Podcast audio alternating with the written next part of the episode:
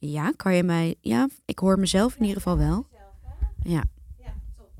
Je moet er af en toe Kijken misschien... of deze... Ja, ik hoor je. Je hebt ook zo'n zalige stem. Ja? Altijd, ja, altijd als ik dan zo'n snippet van je hoor, dan denk ik, oh ja. Oh, wat goed. Je hebt een hele commerciële stem. Ja, ik moet er dus daar... Ik moet dus al een jaar een demo maken. Mm. En elke keer als ik iemand spreek daarover, die zegt dan... Stuur dan even die demo. En ik doe het gewoon niet. Ja, ja. Dat is toch irritant? Terwijl ik, ik, ik sla mijn Ja. eigen glazen in. Het is niet dat iemand me... ja het zijn de kleinste to-do dingetjes die een heel groot obstakel... Ja, I know. En dan denk ik, ja, maar kijk, ik kan de tekst niet schrijven. En wat moet ik dan zeggen? Het moet binnen 30 seconden of 40 seconden. En ja, hoe ga ik dat dan doen? Terwijl ik de apparatuur thuis heb. Ik kan hier in de Ja. studio en dan toch Maar je kan, het niet doen. je kan, een, je kan gewoon een eh, stuk uit je podcast stu- eh, sturen naar de meeste... Ja, maar dan moet ik het knippen en plakken. Dat is ook wel heel veel. Nee, het is Ja. echt. Hou I- op. I feel you. Het- ja, hè? Is Ja, dat is snap toch je. een soort ADHD? Ja, nou ja, het kan, het, het, het kan ook onder andere dingen kwalificeren of onder gewoon neurotypisch. Maar iedereen heeft niet per se een beetje ADHD, maar iedereen heeft wel een keer een kenmerk ergens van. Hangt ook gewoon af van waar je bent in je leven en hoe je psyche op dat moment is. Maar als je een x-aantal kenmerken afvinkt, dan ben je officieel gediagnosticeerd. Moet je, moest je dan wel bij de psycholoog echt testen doen? Of had ze gewoon na drie gesprekken zei ze: Oké. Het is niet dat je multiple choice krijgt en ze dan zeggen: ja, jij hebt eh 1 tot en met 5 gescoord. Dus eh, nee, je bent veel gesprekken aan het voeren. Ze doen ook een anamnese, dus ze gaan ook met je familie in gesprek hoe je vroeger als baby was. Of je heel snel reageerde op geluid en of je hoofd dan meedraaide en dat soort dingen. Ehm, maar het zijn voornamelijk gesprekken. Het zijn, het zijn ook wel wat tests hoor. Ehm, maar eh, ja, eh, het, het, het, ze kunnen in ieder geval niet bloed prikken en dan zeggen, ah ja, je hebt ADHD. Nee, ah, jammer. Ja, Ja, want ik, ik, ik zit ook al jaren er tegenop te hikken om naar de psycholoog te gaan. ja, kan ik me voorstellen. Ja, daar heb ik ook geen zin in. Nee. En, en niet dat ik denk eh, dat ik dat, niet dat ik zin heb. Nou, ik weet niet waar ik dan geen zin in heb. Het is niet dat ik die beerput niet open wil maken. Mhm. Maar ik denk dat wat een gedoe. Weet je, je moet naar de huisarts, Ja. moet weer een, doorverwijzing. Eerst kom je al bij de huisarts en die zegt dan: we hebben ook een interne psycholoog. Dan denk ik altijd: Ja. ja, die lul ik onder tafel. Dan ga je naar een echte psycholoog. Denk ik ook altijd dat ik hem onder de tafel lul. Weet je, ik heb er gewoon geen zin in dat Ja. traject of zo. Nee, nee, het, het, het is inderdaad even een gedoetje. Maar als het, als het eenmaal loopt, ja, dan hoef je alleen maar iedere week of iedere twee weken te verschijnen. En dan kan je lekker een uur uit je, Ja. Nou, uit je nek lullen. Nee, kan je gewoon lekker een uur tegen iemand aankletsen die niet per se een mening over je heeft. Nee, dat is ook wel heel lekker, hè? Behalve een professionele, hopelijk. Ja, precies. En die weer aantekening maakt en dan uiteindelijk gaat beslissen of jij Gek een diagnose krijgt. Ja. Je luistert naar Hoeveel ben ik waard? Een podcast waarin ik, Rolien, op zoek ga naar waarde. Eigen waarde, financiële waarde, want zijn we daar niet allemaal naar op zoek? Ginny Ranou volg ik al jaren op Instagram. Ze is een echte alleskunner. Ze schrijft boeken, heeft een column in de Linda, werkt bij een uitgeverij, is kunstenaar, organiseert soms een feestje, had een eigen vacaturebureau voor creatieven, is actief op Instagram en maakt ook waardevolle content. Nou, je begrijpt, ik kijk al jaren vol verbazing naar dit alles. En ik vraag me ook al jaren af hoe ze dit allemaal doet. Toen ik laatst op een van de eerste mooie dagen op een terras in Amsterdam zat, zat Ginny toevallig naast mij. Ja, en ik kon het niet laten om haar uit te nodigen voor hoeveel ben ik waard. En nu zitten we in de studio en we hebben het over het proces van een boek schrijven en het uitbrengen. Over de dood van haar ouders, creativiteit en angst. Over hoe belangrijk netwerken kan zijn. En we hebben het over coaches. Want daar vindt Ginny wel iets van.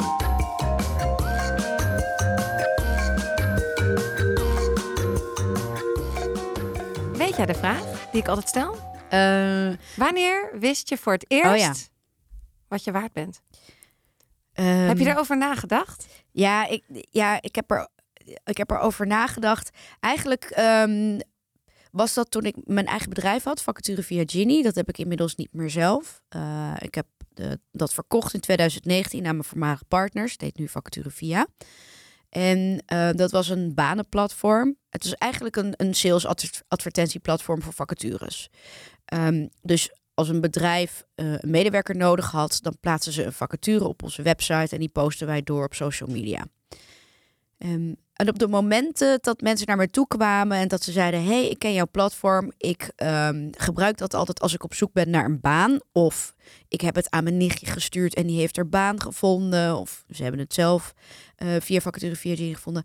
Uh, toen dacht ik: oh ja, maar, daar, maar dan ben ik dus iets waard. Niet per se in, in geld, maar wel ten opzichte van um, de carrière van anderen. Dus dat vond ik wel een realisatiemoment. Dat ik dacht, ah ja, uh, ik kan echt iets betekenen voor iemand. Ja, en je bent dus een goede verbinder. Ja.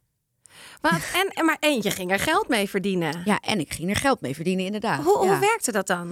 Um, hoe, de kost, hoe de financiële constructie werkte. Nou, een, een reclamebureau zoekt bijvoorbeeld een projectmedewerker. Dan gaan ze naar de website. Dan konden ze daar een pakket kiezen van uh, uh, hoe lang je bijvoorbeeld je vacature online hebt staan, op hoeveel kanalen dat wordt verspreid. Um, en dan uh, varieerde dat van 150 euro voor een basispakket tot 275 of 500 euro en meer. En dat betaalden ze dan en dan plaatsen wij de vacature online. En dan hopelijk kregen ze genoeg of heel veel sollicitanten, waardoor ze een nieuwe medewerker konden aannemen. En dat was vaak succesvol? Dat was vaak succesvol, ja. Ja, gelukkig wel. Ja, En, en dat heb je zes jaar gehad. Voor hoeveel heb je het verkocht? Uh, daar kan ik juridisch gezien geen uitspraak over Nee, mag je daar niks over zeggen? Nee, nee, nee. Was dat, dat goed? Uh, of dat voor mij gunstig ja? was? Ja, ik ben daar blij mee. Ik heb daar wat leuks aan overgehouden, ja. Ja, maar dat is ook business doen, toch? Dat is ja. ook, ja. Zeker. Ja, en iets wat je zelf hebt opgebouwd, die waarde is dus gestegen en toen kon je het goed verkopen. Ja, dat klopt. Ben je er blij dat je ervan af bent? Um, nou, ik vond het wel altijd heel leuk om te doen. Um, maar ik deed zes jaar, uh, deed ik het in dezelfde vorm. En ik deed het met partners. Um, en op een gegeven moment had ik een half jaar sabbatical genomen. Um, omdat mijn moeder overleden was een paar jaar daarvoor. En daar had ik eigenlijk nog niet echt tijd voor gehad. Want ik was altijd bezig met mijn bedrijf. En ik was een uh, boek aan het schrijven. Dus toen had ik in dit boek geschreven van ja, je moet ook als ondernemer zijn er niet te lang in je comfortzone blijven hangen. Uh, want ondernemers blijven of te lang in hun eigen comfortzone hangen, of ze belanden in een gouden kooitje. Anyways, ik had dus in dit boek uh, geschreven van ja, blijf niet te lang in je eigen comfortzone hangen. Blijf altijd kijken naar wat je wil. En toen zou ik terugkomen uit mijn sabbatical. En toen dacht ik, ja, maar dan ga ik weer precies hetzelfde doen als wat ik al deed. Want we hadden een, een het liep supergoed, maar het was wel een klein bedrijf. En ik deed het creatieve gedeelte en de marketing en de branding. En dat stond op een gegeven moment wel. Dus toen dacht ik, oké, dan um, wil ik eigenlijk me gaan focussen, in ieder geval de aankomende paar jaar, op de dingen die ik ook nog heel interessant vind. Um, dus dan is dit eigenlijk een heel mooi moment om te zeggen van, hé, hey, uh, misschien kunnen jullie het verder zonder mij. En uh, dan ga ik andere dingen doen. Maar hoe ga je dan zo'n zo'n onderhandeling in? Had jij al meteen iemand die geïnteresseerd was in dit bedrijf of werkte die al bij jou? Dat waren mijn partners. En die hadden wel interesse in het bedrijf. Um, dus ik kon met hun uh, eigenlijk meteen in gesprek van oké, nou ja, hè, uh, hoe gaan we dit doen? Uh, verkoop ik de naam wel of niet mee? wat, ja, ik had mijn naam mee kunnen verkopen, maar ik dacht van ja, nee. Als de genie eruit is fysiek, dan is het wel handig om dat hè, qua naam ook op een goede manier te regelen. Want uh, ik vertrouwde mijn partners natuurlijk, mijn voormalige partners natuurlijk wel, maar voor het, weet, je weet maar nooit. Voor, het voor hetzelfde geld shit hits de fan. En dan is mijn naam daar nog steeds aan verbonden. Ja, want, want wat doe je eigenlijk nu? Wat doe jij allemaal? ja, uh, goede vraag. Ik word altijd een beetje zenuwachtig als mensen dit aan me vragen. Omdat ik um, dan altijd ook weer even alles op een rijtje moet zetten. Want het is best wel veel. Maar laat ik even een poging wagen.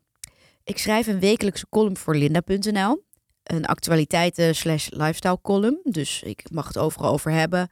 Maar ik mag vooral mijn mening ventileren, wat ik altijd heel prettig vind. Um, daarnaast ben ik uh, freelance, freelance consulting editor voor uh, LEF. Dat is het non-fictiefonds van AB Bruna, uitgeverij. Um, dat betekent dat ik non-fictie auteurs acquireer. Of potentiële auteurs, in ieder geval experts of mensen die iets te vertellen hebben op een bepaald gebied. Um, en die worden vervolgens getekend bij de uitgeverij als zij ook Eh, als zij ook iets zien in het, hetgeen waar die persoon over wil schrijven.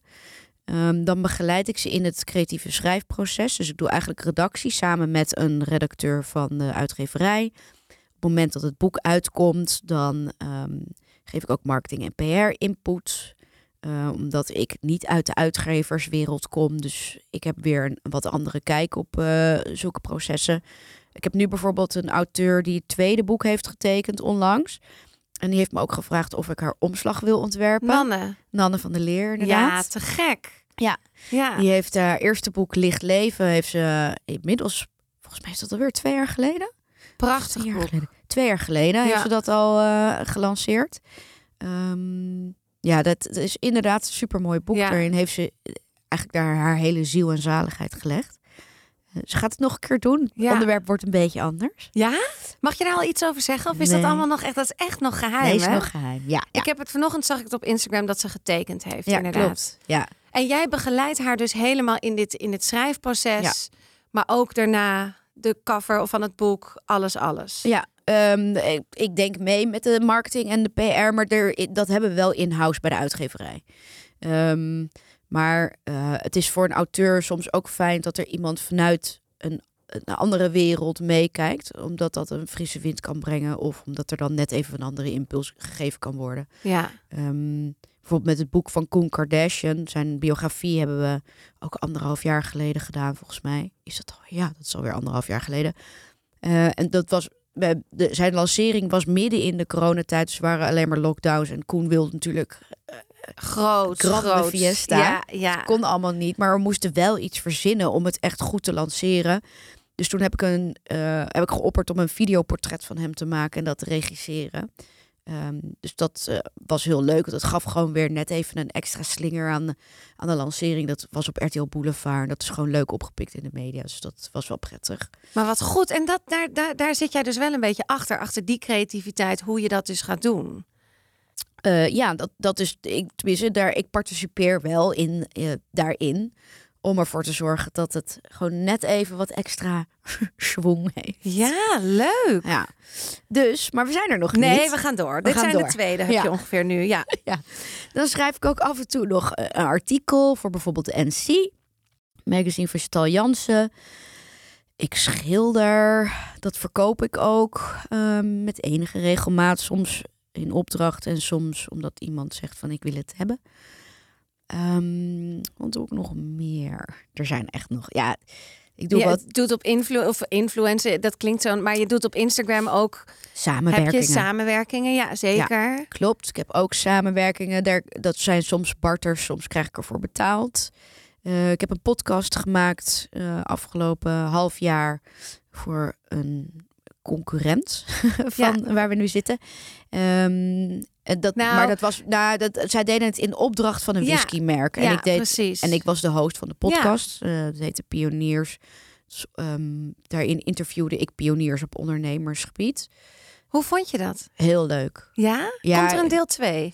Dat weet ik niet. Ik heb wel gezegd dat ik daar heel erg open voor sta. Maar dat hangt een beetje af van, uh, van de klant, van, uh, of de cliënt van dag en nacht. Ja. Uh, Ja. Maar zij weten inmiddels wel dat ik sta te trappen om. uh, Om nog een keer een podcast te gaan Ja. opnemen. Nou ja, en er zit natuurlijk in podcastland gaat er nu heel veel gebeuren met de Podimo en van alles Ja. wat er speelt. ja. Heel spannend vind ik het allemaal. Ja. Heel leuk, heel spannend wat er gaat gebeuren. Maar ja, dat is echt een hele lijst die je allemaal doet. Ja. Hoe doe je dat financieel? Want je bent dus ZZP'er, ja. Maar je bent ook in loondienst. Of is het allemaal ZZP? Nee, nee, nee, ik ben niet in loondienst. Oké, dus Nee. ook de uren die je bij de uitgeverij werkt en alles is allemaal uurtje, Ja. factuurtje. Of nou, je... nee, bij de uitgever, ehm, ik krijg gewoon bij de uitgeverij heb ik een fixed fee. Dat houdt in dat we een projectprijs afspreken. Dus ehm, daar zit een x aantal uren in en het aanbrengen van de auteur ehm, en alles wat erbij komt kijken eigenlijk. Ja, Ehm, dus dat kan je uurtje factuurtje doen. Ehm, maar de constructie was nieuw eigenlijk voor de uitgeverij en ook voor mij, omdat ze normaal gesproken niet op eh, in, in- binnen deze constructie met freelancers werken. Je hebt wel freelance redacteuren, maar ehm, maar je hebt eigenlijk een soort eigen baan gecreëerd bij hun. ja, dat is ook letterlijk eigenlijk wat mijn uitgever, wat ook mijn uitgever is en dus een soort collega, eh, tegen mij zei. Want ik, ik, ik had eigenlijk eerst gesolliciteerd. Ze hadden een uh, functie voor 24 uur per week als non-fictie-redacteur. Daar had ik gesolliciteerd, want zij zochten iemand buiten de uitgeverswereld met een frisse blik, met een ander netwerk, uh, um, met oog voor creativiteit en dat soort dingen. Dus toen zei ik tegen mijn uitgever, ik zo, uh, ik denk dat ik dit misschien wel ben. zou je het leuk vinden als ik zou solliciteren? Toen zei hij, ja, tuurlijk. Dus toen heb ik dat gedaan. Uh, toen uh, was er nog één ander meisje en ik waren overgebleven. En toen hebben ze voor het andere meisje gekozen. Zij werkt ook nog steeds. Ik werk ook wel eens met haar samen. Um, maar Joost zei, mijn uitgever, um, weet je, bedenk even wat je in het meest gunstige geval allemaal zou willen doen. En zet dat even op papier. Dan gaan we kijken naar hoe we dat vorm kunnen geven. Dus toen dacht ik, oh ja, ik mag dus eigenlijk zelf verzinnen wat ik wil. Want hij zei, ja, we willen heel graag met je werken. Maar we, ik weet inmiddels wel dat dat hele administratieve, daarvoor hoef ik je niet te bellen. Um, dus vergeet dat. En ga gewoon kijken naar wat zijn de andere dingen waar je goed in bent. En dan kunnen we het daarover hebben. Ja, en je hebt laten zien dat je meerwaarde bent. Uh, in de laatste periode. Ja. Ja. Gek is dat om over jezelf ja, te zeggen. Zijn we toch eigenlijk te nuchter voor vaak in Nederland. Ja, terwijl dat is toch waarde. Je, je voegt echt waarde toe aan, aan zijn club. Ja, ik denk dat ze anders niet met me willen werken.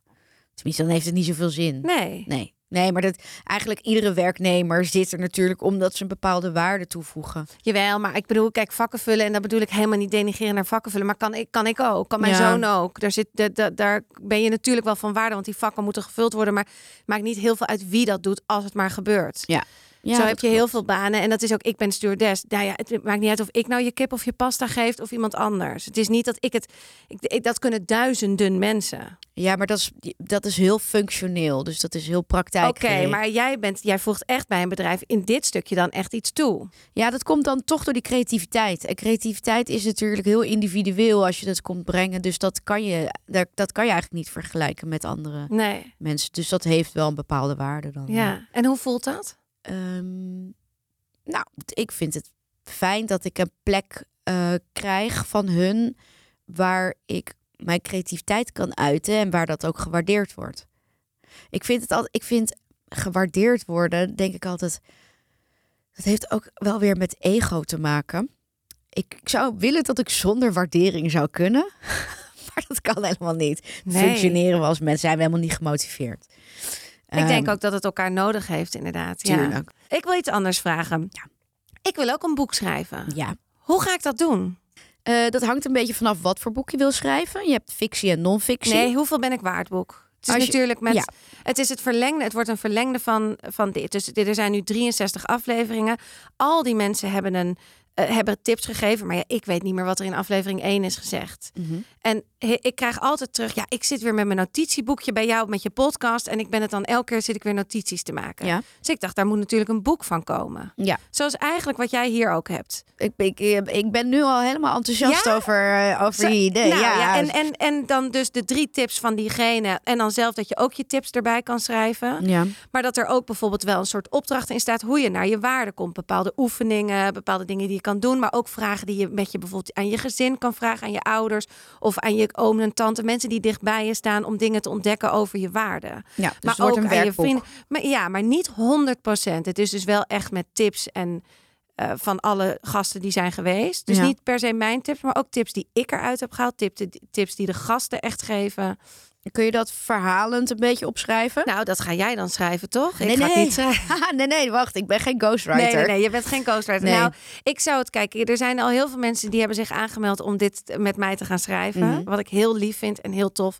Maar ik, als ik het ooit zou doen, zou ik het via een uitgeverij doen. Dan zou ik het wel met een ghostwriter samen willen schrijven. Maar die ghostwriter moet ook gewoon. Een, ik, ik zou niet een ghostwriter willen hebben die geen naam heeft. Nee, dan kan ik je wil best heel met een co-writer. Ja, ik wil gewoon transparant zijn en het met iemand samenschrijven of die daar Ja. die dat leuk vindt om dit helemaal te begeleiden en dan Ja. samen dat te doen. Ja. Ehm, Ja, maar ik, ja, Ja, nee, maar dat is ook heel slim. Want eh, eh, eh, schrijven is een heel intensief project of proces. Ehm, maar je, je kan het op verschillende manieren aanpakken. Dus bijvoorbeeld, je bent een expert op een bepaald gebied. Nou, jij bent een, een, een waarde-expert. Ehm, dus jij hebt wel een verhaal te vertellen waarvan jij in ieder geval denkt dat mensen daar wat aan hebben als ze het boek lezen. Dus er is behoefte aan. Dan moet je eigenlijk altijd wel eerst gaan kijken van oké, hoe groot denk je dat die behoefte is? Ehm, want er zijn mensen die komen met hele leuke ideeën, maar dat is dan veel te niche. Dus uh, daar zullen misschien um, ehm, 500 mensen uh, echt een boek van kopen. En de rest van Nederland die heeft daar, uh, tenminste die urgentie is daar misschien helemaal niet. Um, dus je, je moet gaan kijken van oké, is er een doelgroep en is er een markt voor? Vervolgens. Hoe onderzoek je dat? Um, Ga je dan polls aanmaken op Instagram? Nou, dat zou je bijvoorbeeld inderdaad via Instagram eens kunnen doen als je een grote following hebt. Um, maar ook gewoon kijken naar wat doet de markt. Uh, is er een vraag bij de maatschappij die mo momenteel uh, dringend is of waar ik op in kan haken of whatever. Um, even denken hoor.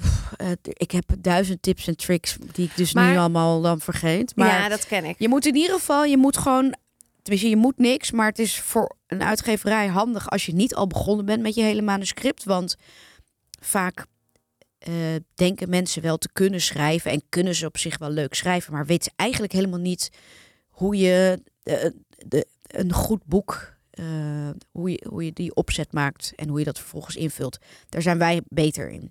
Dus daar kunnen wij je in adviseren. Dus daarom is het handig als je met je idee bij ons komt. Dan kunnen we samen kijken naar, oké, dit is een goede inhoudsopgave. Want als je het op deze manier doet, dan heb je de juiste flow te pakken.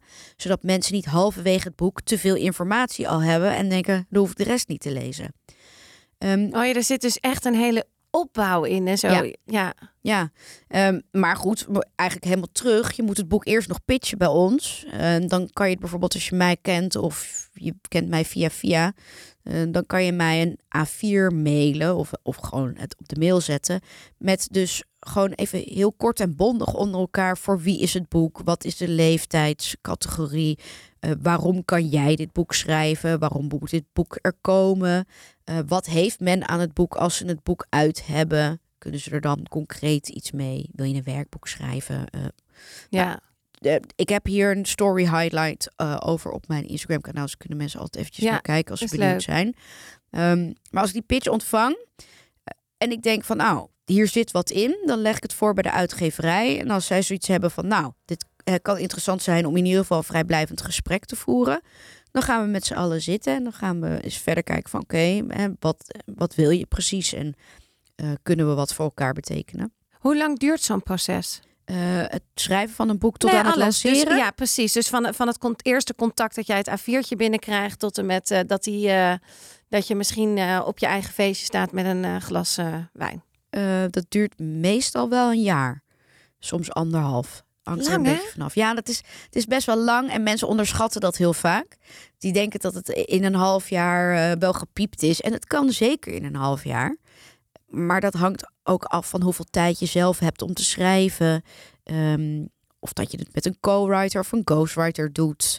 Um, soms als je een non-fictieboek schrijft, dan, dan gebeurt er van alles in je leven waardoor het op een laag pitje komt te staan. Maar kijk, ik denk dan meteen, want dat vind ik soms ook met een podcastaflevering. Ik wil eigenlijk zo snel mogelijk de aflevering online, heb ik gemerkt. Dus ik, ik, ik had gezegd tegen iedereen, nou, ik ben er elke twee weken. Maar dan neem ik dus nu met jou op en dan kom, want nu aankomende vrijdag zou er niemand komen. En dan die vrijdag erop komt Chris. En dan die vrijdag erop niemand. En dan kom jij. Dat is dus een maand later, ja. dik. Dat vind ik stom.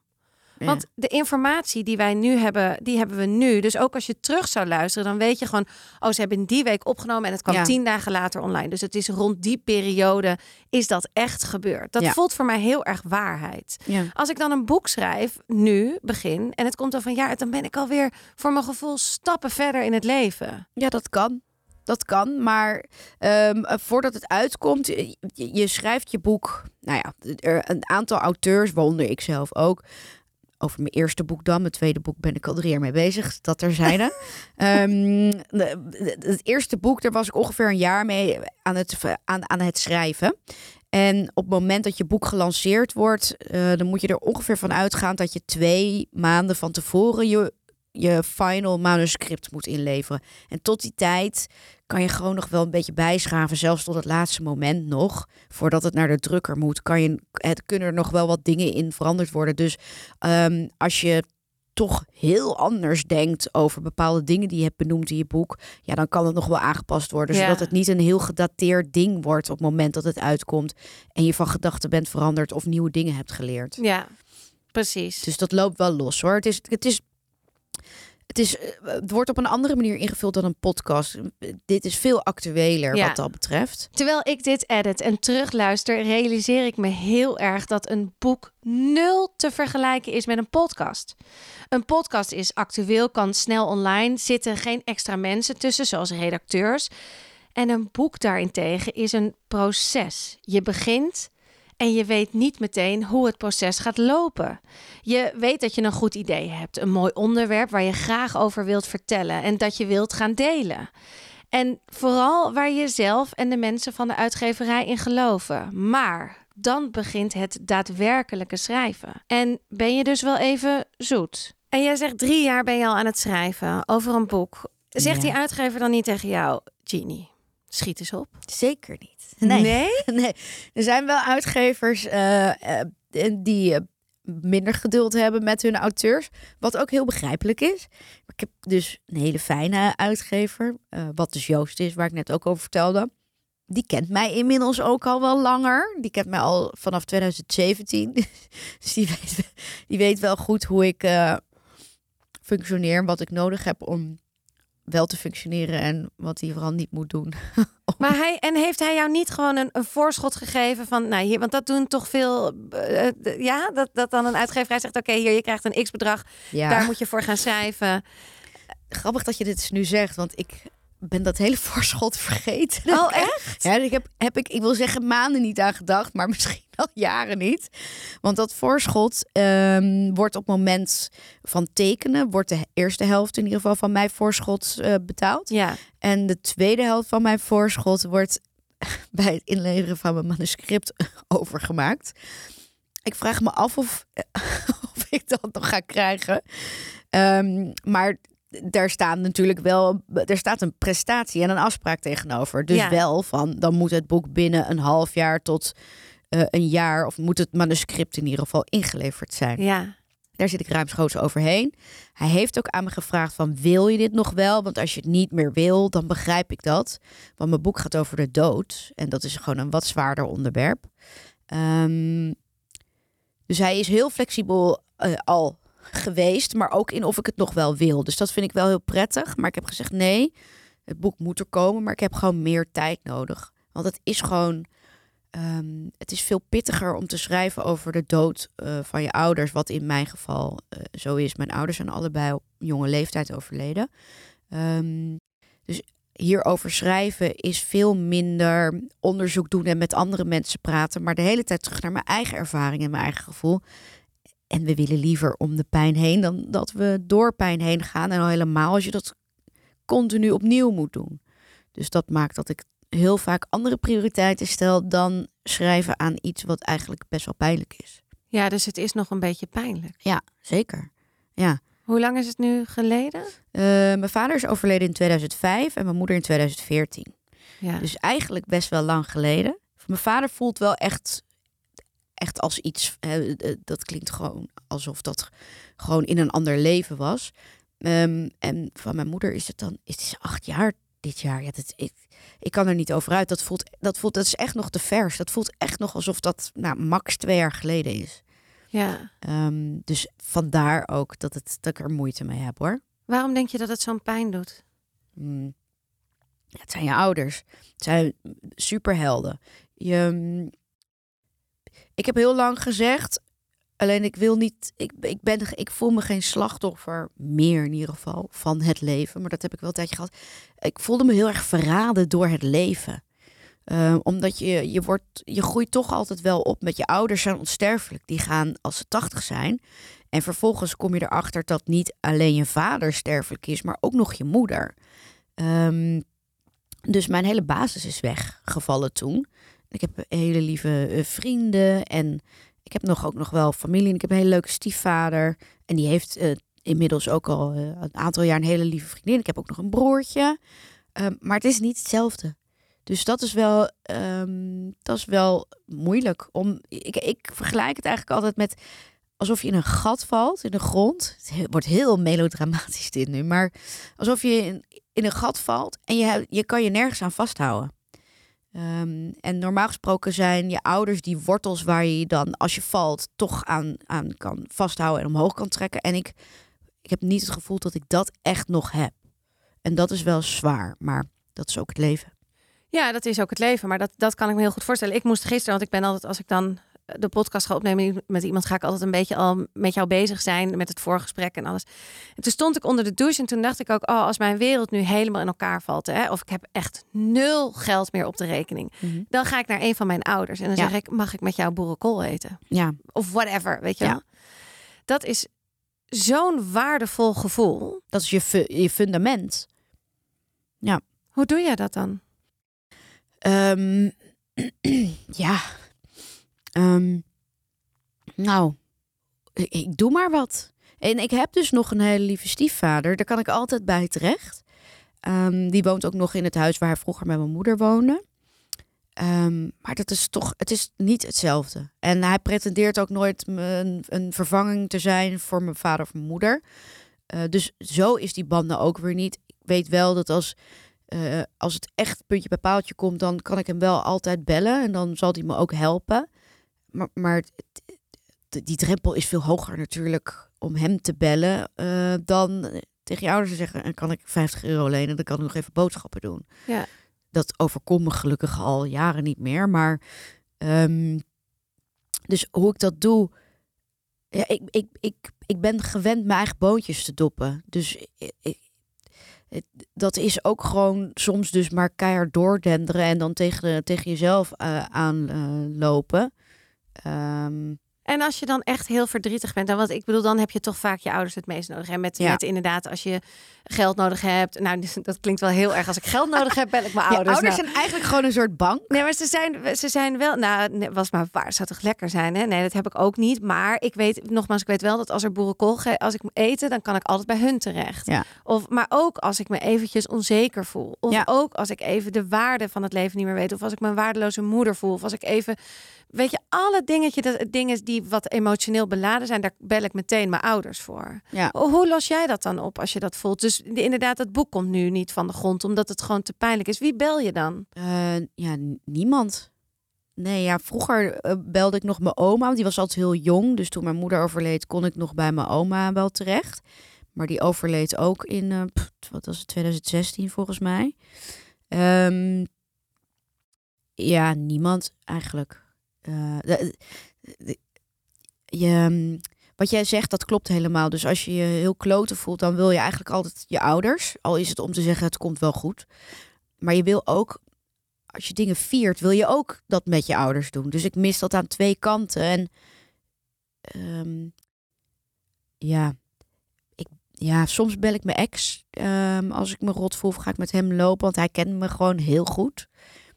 Dus dat vind ik heel prettig. Maar ja, die ga ik ook niet. Ik heb mijn, mijn moeder belde ik iedere dag, s ochtends en s avonds. Dat is ook wel veel. Maar ik was altijd echt nog steeds met mijn navelstreng aan haar verbonden. Um, en nu ja, heel af en toe dan moet ik me over mezelf heen zetten en dan een vriend of vriendin bellen om te zeggen van ik voel me niet prettig. Dus kun je even met me kletsen. Nou, mijn beste vriend Roy, waar ik ook die podcast um, mee aan het fabriceren ben. Dat is eigenlijk de enige persoon waarbij ik echt terecht kan als ik me echt rot voel. Of waar ik me, waar ik me op mijn gemak voel om dat te doen. Ja. Ik, vind, ik ben zo gewend om mijn eigen om het wel te rooien in mijn eentje, dat ik het ook niet prettig vind om met mijn sores bij andere mensen aan te kloppen. Dus ik, het is heel eenzaam eigenlijk wat dat betreft. Ik doe heel veel alleen. Ja. Um, ja, dat, maakt het een beetje triest, maar ik voel me sociaal gezien niet eenzaam, maar in mijn gevoel delen en um, de dingen die ik heb meegemaakt in mijn leven, dat, dat, is wel eenzaam, ja. Ja, en het is ook heel raar, want ik, ik ken jou inderdaad, dat is natuurlijk de Insta real life en de offline en de, de weet je, alles dat soort dingen. Maar dan, want online is- ziet het er bij jou prachtig uit. Ja. Ben je, je bent heel zelfverzekerd. Je bent heel erg. eh, je, je kan het echt goed alleen. Je hebt een goed leven. Goed gecreëerd voor jezelf. Ook de dingen die je doet van kunstenares. Het, eh, je, je eigen functie bij Lef hebben neergezet. Gewoon alles wat je doet werkt ook echt. Je hebt een netwerk volgens mij waar je u tegen zegt. Maar ik kan me ook voorstellen, ik, toen ik met jou kletste voor het eerst en dit hoorde, ik was echt, mijn, mijn kaak hing echt meteen onderaan de tafel van holy moly. Hoe, hoe kan je zo sterk stabiel zijn terwijl je dat stukje fundament dus mist? Ehm, ja, het, het- het- ik denk dat het gewoon een overlevingsmechanisme is. Ehm, naast het feit dat ik heel ambitieus ben. En je zei net, je, je zei, ik weet even niet meer wat je precies zei, maar er, oh ja, dat heel veel dingen lukken, maar er mislukken ook heel veel dingen hoor. Laten we wel wezen. Daar ben ik ook wel open over. Maar ehm, er zijn zat dingen die ik. Wat is er mislukt? ja, Vertel. nou. eh, kan ik Maar heb je wel eens een denken. business iets opgezet wat gewoon totaal niet werkte? Nee. Zie Nee. je? Nou, er zijn, ik heb wel eens de intentie gehad om dat dan te doen. Maar uit verveling, omdat ik het dan op een gegeven moment al niks meer aanvond, ging ik er niet mee verder. Maar het is niet dat, dat iets falicaal de mist inliep omdat ik het eh, proces verkeerd had aangepakt, bijvoorbeeld. Nee. Maar eh, er zijn ongetwijfeld, maar dat kan ik even niet opnoemen. Nee, hè? toch? Nee, nee, ik kan toch nog niks vinden. Nou, ik, ik- we komen er vast nog wel op. Ja, maar ja. Ik, en, en ik wil dan eigenlijk door naar het stukje kunst. Want dat heb jij net ontdekt. Nou, eh, dat doe ik inmiddels ook alweer een paar jaar. Maar dat, Ik ben gewoon benieuwd, hoe, hoe ontdek je dat, je dat dat je dat kan? Dat schilderen op gigantische doeken, dat verkopen. Hoe gaat zo'n proces? Dus we hebben de boeken nu een beetje gehad. We hebben het even over je ouders gehad, over toch die eenzaamheid. Maar inderdaad nu nog het stukje ook die kunstenares in jou. Want, want het creatieve, ze heeft er altijd gezeten. Maar het was vaak met de pen. Of het was vaak mensen verbinden. Of het was die creativiteit. En ineens kwam het ook op doek. Dat klopt. Nou, mijn moeder was altijd kunstenares. Dus wat dat betreft eh, valt de appel niet ver van de boom. Ehm, maar mijn moeder eh, maakte hele andere dingen. Dus zij maakte meubels. Dat doe ik ook wel eens, als ik daar zin in heb. Maar mijn moeder schilderde bijvoorbeeld ehm, ehm, eh, por- dierenport dierenportretten. Dat klinkt heel... als ze dit zou horen, zou ze echt pissig zijn. omdat het echt klinkt alsof ze je huisdier op aanvraag schildert. Dat deed ze niet. Maar zij schilderde een natuur. eh, ik, ik, ik kan even niet meer. Ik weet even niet meer hoe je dat noemt. Maar gouden eeuwachtige eh, settings of stillevens. Dat soort middeleeuwse shit.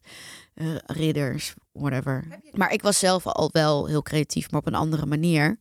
Dus ik maakte bijvoorbeeld al heel lang kettingjes of armbandjes voor vriendinnen. Of dan deed ik weer dingen met nail art. Dus ik was er wel altijd mee bezig, maar omdat mijn moeder heel realistisch schilderde en dat mooi vond en abstract lelijk vond over het algemeen, uit loyaliteit, ehm, heel diep van binnen, durfde ik daarom nooit echt te doen waar ik dan beter in was en wat voor mij werkte. Dus expressief schilderen.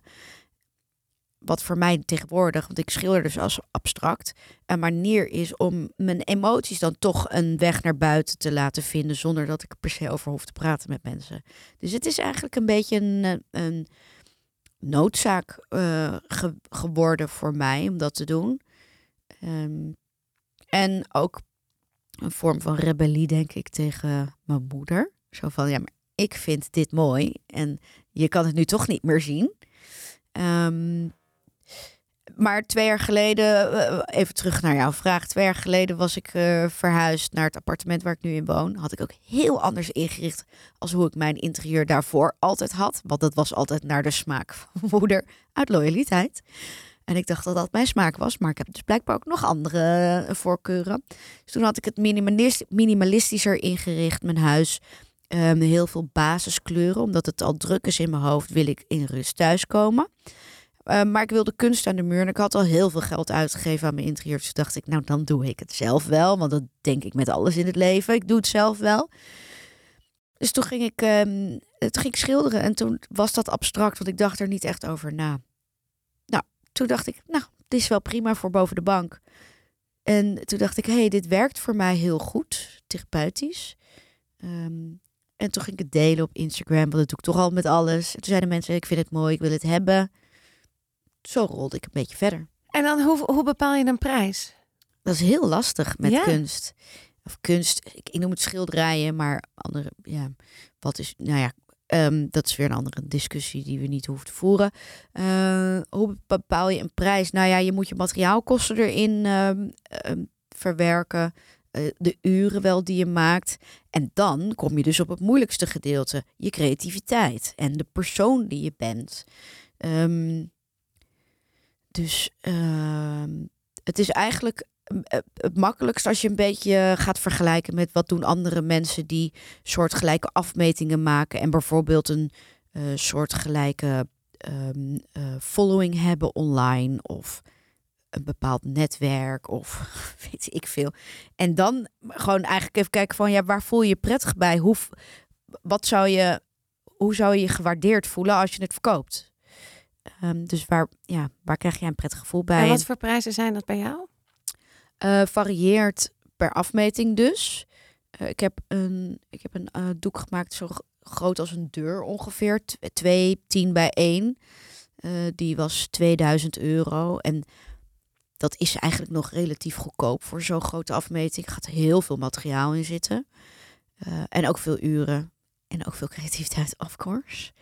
Ehm, maar ik heb ook afmetingen van 70 bij 90. Ja, dat varieert ook een beetje rond de 700 euro. Ehm, en ja, ook, ook daar zou ik meer voor kunnen vragen. Je moet, als je schildert en je wil je werk verkopen, moet je ook niet te laag gaan inzetten. Eh, want dan duurt het heel lang voordat je meer kan gaan vragen. Eh, maar je moet ook niet te hoog gaan zitten, want dan wordt het zo exclusief dat je pool van klanten ook eh, veel kleiner wordt. Ja. En, en krijg je wel eens het, eh, want je hebt geen Rietveld gedaan, krijg je dan wel eens te horen, ja, maar jij hebt helemaal geen kunst op de geen kunstacademie gedaan of geen dit of. Eh, nee, ik, ik ben heel autodidact eigenlijk in alles wat ik doe. Dus ik leer mezelf alles aan. Ehm, en ik vind dat heel, heel snobby. Dus als je zo wil zijn en je vindt dat je alleen kan schilderen of kunst kan maken als je een bepaalde opleiding hebt gedaan, dan vraag ik me überhaupt af wat je doet in deze wereld. Want ehm, volgens mij is creativiteit voor iedereen. En eh, gaat het er echt niet om of je een papiertje hebt gehaald op dat gebied. Maar vooral omdat je, ehm, Dat je het doet. dat je het doet. Ja. En dat andere mensen er iets aan hebben. Ja. Dat ze het mooi vinden of leuk vinden. Je hoeft het niet eens mooi te vinden. Je Nee. kan ook kunst, kan ook kunst kopen als je het lelijk vindt. Maar het kan wel iets met je doen. Ja, ik vind het mooi dat je dit zegt, want eh, ik heb ook bij wijze van spreken niks in mijn leven afgemaakt. En eh, ik denk dat dat ook altijd mijn boodschap is met de podcast. Nou ja, meerdere boodschappen, onder andere praten over geld en waarde. Maar ook ga gewoon, ik heb op mijn 39ste ook gewoon bij stage gaan lopen en ben alles gaan Ja. leren over hoe ik moet editen en zo. Ja, Weet je, doe het gewoon. precies. Je hebt echt dat papiertje niet nodig. Nee. En eh, Zolang je maar nieuwsgierig bent en blijft, dan kan je heel veel dingen leren. Maar wat ik wel altijd heb met creativiteit, en ik weet niet of je dat herkent. Ik heb ooit dat boek gelezen, Big Magic. Ken ik niet. Ken je die niet? Nee. Van Elizabeth Gilbert. Nee. nee. Ik zit wel in de boekenwereld, maar eh, Ik ga, ik ga, die moet je lezen. Nou ja, die is wat. Kijk, als je een idee krijgt in het leven, en dat kan van alles zijn: boek schrijven, een podcast maken, een kunststuk maken, punniken, armbandjes, whatever. Dan komt er ook cadeau meteen op dat moment angst. Ja. Overtuigingen. tuurlijk. Ik kan het niet. Ik ben niet goed genoeg. Wie zit er op mij te wachten? Nou, allemaal. Die kennen we allemaal. Ja, wat als het niet lukt? Wat als het niet lukt? Nou, laat ik dan maar niet beginnen. Ja. Dus heel vaak neemt die persoon angst, neemt het helemaal van je over en dan ga je je idee niet meer doen.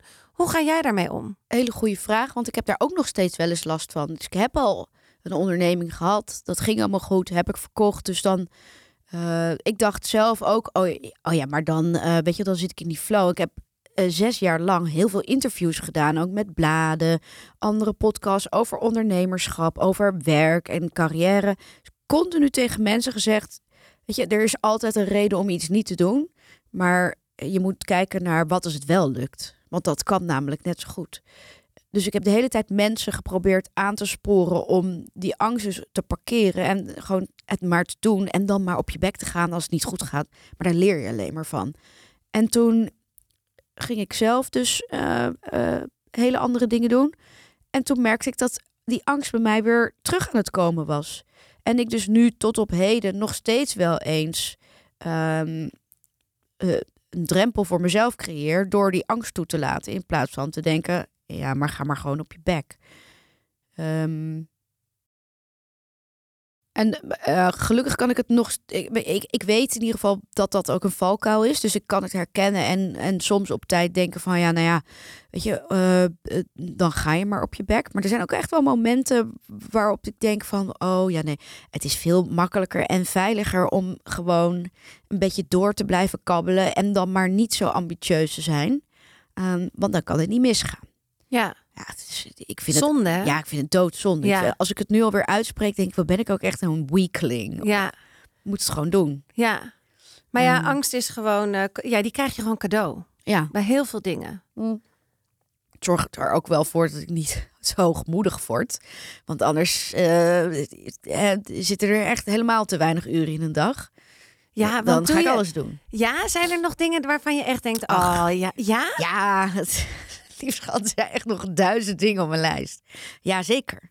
Ik, ja, Maar bijvoorbeeld ook met zo'n podcast. Hè? Je, je- hoe, hoe, ga je dan, hoe ben je daarbij gekomen? hè? Hoe komen zij op jouw pad? Hoe komt dit allemaal op jouw pad?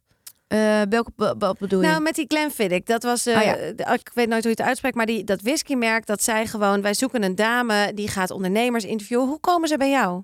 Eh, netwerk toch weer. Dus de hoofdredacteur van Dag en Nacht, Arco, die eh, ken ik al heel lang. En Maar je, hoe- ja, sorry, ga door. oh nee, ja, die, die, die, die was hier, hier al maanden mee bezig. Dus die had mij al een paar keer gecheckt van ja, heb jij wat met whisky? Je hoeft niet echt wat met whisky te hebben, maar jij bent wel ondernemer. Dus, dus ik haal heel veel uit mijn netwerk. En ik ben ook nooit te bang om op social media te zetten wat ik doe. Dus mensen weten altijd waar ik mee bezig ben. Zo ben ik wel altijd top of mind op bepaalde gebieden. Ehm, maar ik ben ook niet bang om te vragen eh, om wat ik wil. Dus eh, als ik eh, denk van ja, wij zouden samen iets leuks kunnen creëren op een bepaald gebied en ik heb daar ideeën over, ja, dan vraag ik dat gewoon. Dus ik ben niet iemand die heel snel afwacht.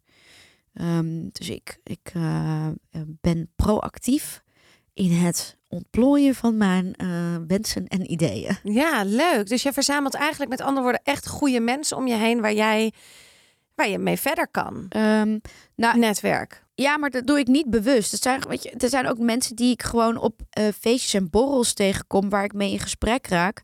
Ik ben, jij zei van ja, je bent goed in verbinden, maar dat is, dat is een, een breindingetje. Er zijn heel veel dingen die niet blijven hangen in mijn hoofd, maar ik kan wel op de een of andere manier goed associëren en goede eh, verbindingen maken. En dat in combinatie met creativiteit zorgt voor dat ik zorgt ervoor dat ik bepaalde dingen doe, maar ook dat ik een netwerk heb en kan onderhouden, om, omdat ik ook heel vaak zelf mensen de hele tijd aan elkaar kan linken. Ja. Ja, je bent dus wel. de- daarom vond ik het ook dat jij dat uitzendbureau had. Of dat uitzendbureau, dat klinkt. Hoe, hoe Ja, heette het? Het was meer een vacature Een vacature, ja, ja, precies. Dat, dat, dat vond ik toen zo logisch bij jou. Ja.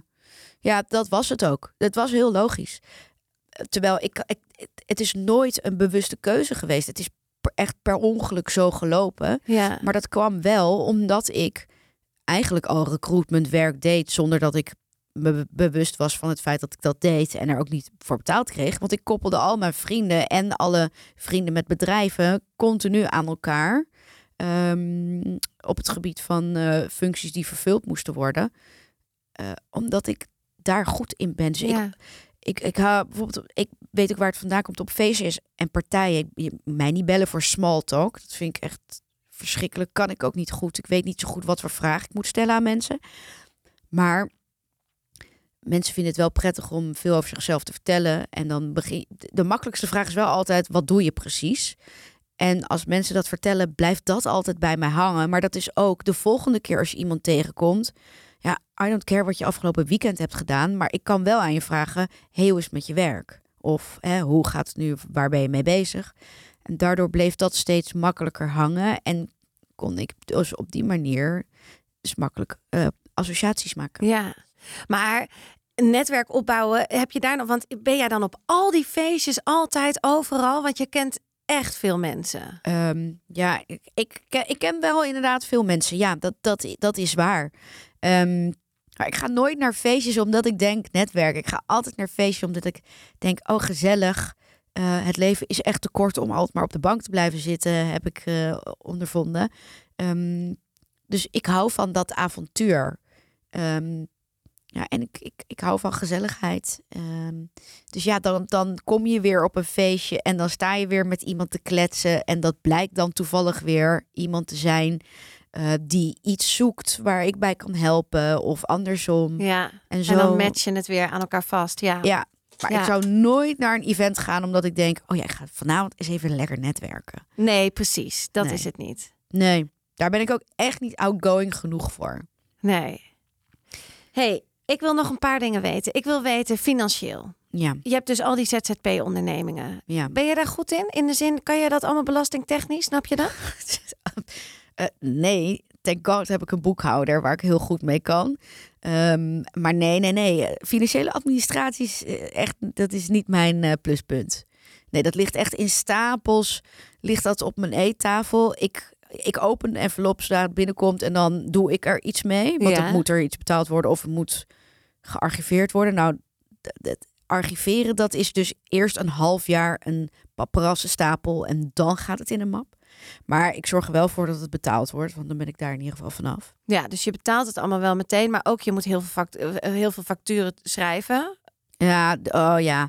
Er gaat ook heel veel via mijn management. Die doen. eh, Heb je management? Ja, voor mijn media dingetjes en mijn eh, influencer samenwerking. Wat relaxed. Zij doen meer het zakelijke gedeelte, Ja. dus het ehm, eh, onderhandelen bijvoorbeeld. Ja, dus als er als iemand met jou wil samenwerken, dan gaat het via hun vaak. Het Mhm. financiële gedeelte. En dan Ja. Sturen zij ook de rekeningen eruit. En Ja. dan krijg jij gewoon je geld. Nee, ik moet een factuur aan hun sturen. En dan sturen zij het weer. Oké. En dat, eh, dat eh, is ook altijd heel vermoeiend voor hun. Want ze moeten wel vijf keer tegen me zeggen... wil je die factuur alsjeblieft sturen? Wil je die factuur alsjeblieft sturen? Jin, weet je, als je nu die factuur niet stuurt... Dan krijg je gewoon krijg geen geld. Precies. Ja, en dan heb ik heel snel mijn factuur gestuurd. Want je, ik hoorde je net ook in het begin zeggen van ja, ik heb al heel lang niet mijn ouders hoeven bellen voor 50 euro. Dat gevoel hebben. Eh, gaat het goed? Eh, Financieel? ja, ik, ik, ik kan financieel rondkomen. Het is niet dat ik eh, druip van het geld, maar ehm, ik, weet je, ik heb genoeg leuke klussen lopen, waardoor ik gewoon mijn natje en mijn droogje kan betalen. Dus ik kan mijn huur betalen. Ehm, ik kan uit eten. En mensen vergeten wel vaak, als ze mij op Instagram zien en me weer voor de derde keer op rij in een week uit eten zien gaan, vergeten ze wel heel vaak, ik ga nooit op vakantie. Echt één keer in de vijf jaar. Dus weet je, ik geef al die duizenden euro's die andere mensen wel aan twee, drie vakanties per jaar in, in de Amsterdamse bubbel doen mensen dat namelijk eh, uit. Weet je, dat, dat- daar ga ik dan van eten. Ja. Dus Waarom ga je niet op vakantie? ik ga toevallig wel aankomende donderdag naar Londen. Ehm, ik ga nooit op vakantie omdat ik vind dat heel heftig. Eh, het boeken van een vakantie vind ik erg overwhelming. En dan moet ik ook vaak een paar dagen acclimatiseren voordat ik ergens ben, voordat ik. Dus ik kan niet zo goed tegen verandering. Dus dit is allemaal een beetje too much vaak voor me. Maar als Ja. ik ga, dan is het wel heel fijn. Ja. Ja, het, het- even een andere setting is soms heel lekker. Ja, het is gewoon nodig. Ja, is ergens ook gewoon nodig. Wat ik nog meer wil, eh, wat is je financiële doel? Heb je die? ja, ik wil heel veel geld verdienen. Ja? Ja, ja. Eh, soms vraag ik me af of ik in staat ben om heel veel geld te verdienen. Want zoals we weten ben ik eh, financieel, administratief niet heel eh, bevlogen. En kan ik ook nog wel eens de- eh, me door angst laten leiden. En ik denk als je heel veel geld wil verdienen, moet je vooral je angst echt opzij kunnen zetten. Maar ik wil heel veel geld verdienen omdat ik vrijheid wil. Ja. En ik weet dat more money, more problems. Dus geld betekent niet automatisch vrijheid, maar het kan je wel meer vrijheid bieden binnen een bepaalde. Hoe zeg je dat? Binnen een bepaalde eh, restrictie eigenlijk die we hebben in het leven. Ja. Ehm, dus het, het gaat me niet zozeer om dat ik mijn luxe kan veroorloven of zo, maar dat ik gewoon kan denken: ik wil een keer een maand naar Spanje om daar te gaan schilderen of aan daar aan mijn boek te werken, want dat zijn de dingen waar ik echt blij van word. Kan ik me heel goed. Dat, is, dat vind ik ook, dat is rijkdom. Ja. Als je die luxe hebt, als je die, dat kan voor jezelf kan creëren. Ja, en ik heb geen pensioen. Ehm, Nee, dat vergeten mensen ook. Hè? Ik vergeet dat ook altijd. Ja, nou ja, goed, weet je, ehm, als, eh, als ik dood neerval morgen, dan, dan heb ik in ieder geval lekker geleefd. Persoonlijk, eh, ik vind geld, ik vind bezit en geld eigenlijk heel kut. Ehm, ik, Dit klinkt ook weer heel erg eh, hippie, eh crusty. Maar ik, het liefst zou ik denk ik over 30 jaar ergens ter wereld een gewoon een heel mini klein boerderijtje hebben en met een moestuintje en een paar diertjes en gewoon allemaal zelf wel. Klinkt weer, ik ben gewoon echt een hermit, ik ben echt een kluisenaar. Als ik dit zo hoor, denk ik, oh ja, dan wil je het weer helemaal in je eentje gaan doen. Dus ik onttrek me toch altijd weer van de community, merk ik. Maar ja, goed. maar misschien is dat ook wel, want dat heb ik ook wel eens gedacht. Ik ben heel, heel goed in. Ik vind drukte heel leuk. Ga helemaal goed op Lowlands. Maar drie, vier dagen en dan moet ik ook echt tien Ja. dagen bijkomen. En dan moet denk ik iedereen wel. Nou is Lowlands misschien een beetje extreem voor, on- of, eh, voorbeeld. Maar ik heb, kan heel erg genieten van Amsterdam. Echt heel erg genieten. Maar ik vind het heerlijk om terug naar Haarlem te gaan. Iets Ja. meer in de rust. Ja, Ik vind dat Zorba de Boeddha, dus dat, dat yin-yang, dat, is de, dat heb ik heel erg nodig. ja, ja, snap ik. Dus ik kan me ook voorstellen dat je op dat boerderijtje woont, ergens een half uur hier vandaan. En dat je altijd in de stad bent, omdat je er werkt. Maar toch ook met liefde naar je moestuin gaat. Dat is waarschijnlijk de gulden middenweg dan. Ja, maar kom wel een keer langs op die boerderij dan. Ja, dat is goed. Maar Ja? wel ergens in Zuid-Europa waarschijnlijk. oh, maar je echt bent zo ver weg ja, toch ja, wel? ja, ja, ja, ja, Beter lekker. klimaat. Ja, absoluut. Ik kan echt niet. Die wind en regen is niet voor mij. Eén dag, hè, Genie. Eén dag hebben we nu wind en regen. En ik zit op een elektrische fiets, dus ik heb helemaal niks te klagen. Hoe kom jij aan die elektrische fiets? Eh, die heb ik gebarterd. Wat is gebarterd? Ehm, dat je eh, niet in geld be- betaalt, maar dat je in natura betaald wordt. Dus dat, Gebarterd heet dat. ja, dus eh, ik geef jou een fles drank bijvoorbeeld en daarvoor eh, geef jij mij een social media post. I love it. Ja, barteren is hartstikke. Ik heb veel barters hoor. Oké, bartelen. Geld verdienen met Instagram. Wel of niet met een merk in zee gaan. Campagnes bedenken. Oh, het is een wereld die ik nog niet helemaal ken. Dus misschien daar ook eens een aflevering over maken. Maar nu door naar een nieuw onderdeel in de podcast. Want vanaf nu kan jij een vraag stellen aan de gasten in de podcast. Ga naar www.vriendvandeshow.nl slash hbiw om te zien wie de volgende gast is. En laat daar dan meteen je vraag achter. Nu door naar de vriendvragen van Ginny. Eerste vraag is van Daan Bakkerson. Ginny doet veel, maar wat ziet ze als haar core business? Eh goeie vraag. Eh, schrijven. Nu. Ja, op dit moment is dat schrijven. Maar dat kan over een jaar weer iets anders zijn. Ja, Nou, niet, niet heel. Waarschijnlijk ga ik dan geen autoreparatieshop beginnen. Maar dus eh, tussen ondernemen, schilderen, schrijven. een, be- een beetje dat creatieve is schrijven nu even mijn focus. Oké, volgende vraag komt van bij Jean in Beijing, de podcast. Die wil graag haar mening over coaches horen. Nou, Ginny, kom maar op. Ja, degene die dit heeft gevraagd weet waarschijnlijk heel goed wat mijn mening is over coaches. Ehm, Over welke coaches hebben we het dan? ik spirituele coaches. Oké. je Maar kijkt ook naar mijn gebalde vuistje. Is dat dan de Instagram spirituele ja, coach? Ja, absoluut. Ik ik heb niet zozeer iets tegen coaches. Ik denk dat het heel mooi is dat er mensen zijn die andere mensen willen helpen. Maar dat is bij bepaalde coaches, dus hele van die hele spirituele Instagram coaches, ehm, is dat meer een façade. Ze zijn meer bezig met hun eigen traumaverwerking, met het opblazen van hun eigen ego, dan dat het daadwerkelijk om de mensen gaat. Ze verkopen ehm, coachingpakketten van 10.000 euro aan mensen die mega kwetsbaar zijn en geen andere ehm, opties meer zien dan geloven in een soort cultleider, wat ik dus eigenlijk vind. Ook fina- financiële coaches hè, die zeggen: ehm, manifesteer een ton. Dan denk ik, eh, schat, zo, zo werkt het gewoon niet in het leven. Tuurlijk is het goed als je je focust op hetgeen wat je wil, want of course, als jij je niet focust op, eh, kijk, tuurlijk, als jij een ton wil verdienen, dan moet je daar lekker op focussen. Want als je er niet op focust, ja, dan gaat het sowieso niet gebeuren. Maar niet vanuit het universum heeft een plan, maar gewoon omdat het, dat is logica. Ehm, maar dat hangt een beetje af van wat je eh, definitie van manifesteren is. Dus manifesteren is voor mij niet iets, iets magisch, maar gewoon iets praktisch van... Oké, ik wil een boek schrijven, dan...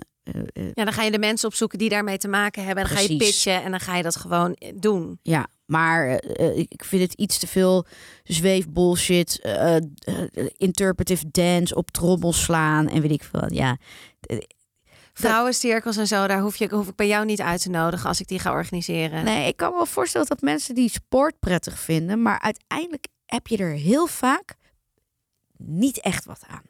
Ontvolg jij die mensen ook allemaal? Volg jij sowieso helemaal niet dat soort mensen? Uh, normaal gesproken wel. Uh, ik volg uh, een paar mensen omdat ik ze goed ken. Of omdat ik ze echt heel lief vind. Maar met ledenogen moet ik soms hun content aanzien. En zij weten donders goed hoe ik en over denk. En wat zeg je dan? Heb je wel eens tegen zo'n, wat toch een soort misschien een beetje vriendschap is gezegd van... Chick, waar ben je nou mee bezig? Wat doe je nou? Um, nou, iets subtieler, maar wel van ja, sorry, maar wat je nu zegt, dat, dat klopt niet in mijn optiek. Of bent daar gewoon niet mee eens. Of zou, je dat niet op een andere manier aanpakken? Um, dus soms brand ik het wel af hoor op Instagram als ik weer heel hoog in mijn woede zit. Um, Weet je wat mijn Instagram woede is af en toe? Het gebeurt nu veel minder, maar het was in het begin heel erg. Ik denk twee jaar geleden, anderhalf jaar geleden, als dan Follow Friday. Dus ja. dan gingen andere mensen zeggen: Oh, je moet deze. En dat dus ja. nog wordt. En dat haat ik. ik krijg daar. Nou, dan gaat mijn vuist weer. Ik krijg daar zo'n haat. Maar naar. waarom? Nou, misschien eh, omdat ik stront jaloers ben dat ik nooit in die lijstje sta. That's first of all natuurlijk, want het heeft, het triggert iets in mij. B, vind ik iedereen die ik volg op Instagram vind ik lief. Mm -hmm. Dus ga mij niet vertellen, weet je wel. En dan zal het wel gemotiveerd zijn, want dan zie je ineens andere mensen die je nog niet volgt en zo. Maar ja, ja. ik weet niet. Ik vind dat, ik vind dat, ik kan er iets. Ja, ik vind dat gewoon heel, heel stom. Ja, ik vind dat echt. En als dan, en dan, of allemaal heel veel mensen taggen dat je dan, dat, dat is ook maar dat dan nou, bijvoorbeeld boekenbal was ook een fucking trigger voor mij. Ik ga meteen helemaal schelden hier ook ervan. ja, ja, ja. Ik, het boekenbal niet per se, maar als er dan een feestje is of zo en dan gaat iemand honderden mensen taggen met wie diegene daar is, en dan denk ik, ja, oké, okay, ja, ik ben thuis, ik ben A niet uitgenodigd, dus ik hoor er al niet bij. B, ga weg.